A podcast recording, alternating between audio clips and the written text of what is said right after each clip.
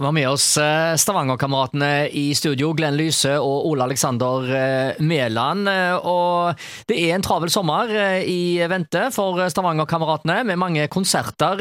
Hvordan er det å kombinere dette aller først, nå som dere etter hvert har etablert familie? Tommy er jo òg nettopp blitt pappa. Tommy, Tommy har vært den fyren som har liksom dratt litt i eh, og fått Jeg skal takke han for at han har fått dette her til på en måte. Han er litt sånn som setter. Han er flink til å organisere og avtale og sånne ting. Og eh, hvis det har vært krise, at du gjerne OK, der, du kom for seint på f.eks. en øving eller på et intervju, eller pga. du har små unger som blir syke, eller ting som skjer så har ikke jeg følt at han har skjønt den helt. Oh, så nå er han, der, nå er han der sjøl.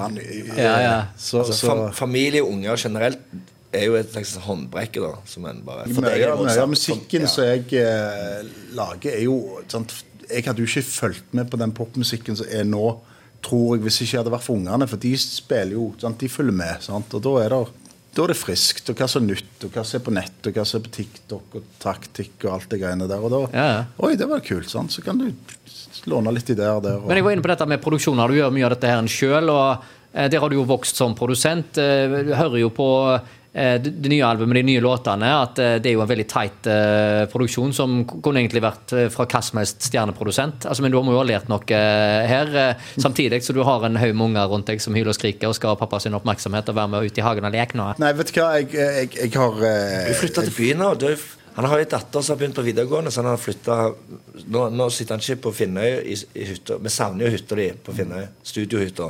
Nå har jeg flytta til byen. Men du har ikke solgt huset på Finnøy? har du det? Nei, nei. nei, nei. Det, er bare, det er bare at um, jeg kjører dattera mi på skolen hver dag. En snill far. Så slipper ja. hun å bo alene på en hybel. Så kjører jeg henne hver morgen.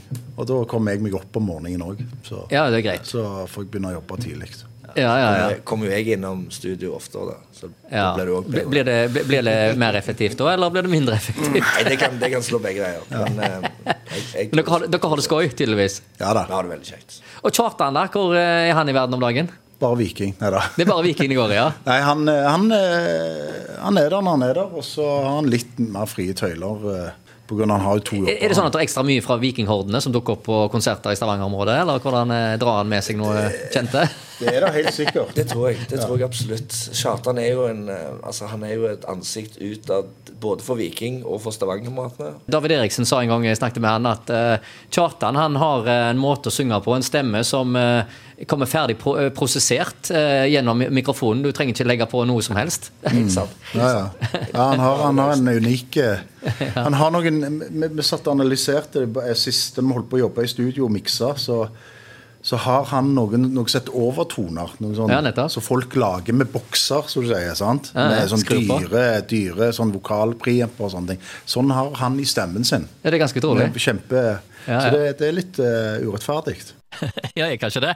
Vi må jo selvfølgelig òg få litt musikk. Her er Stavangerkameratene.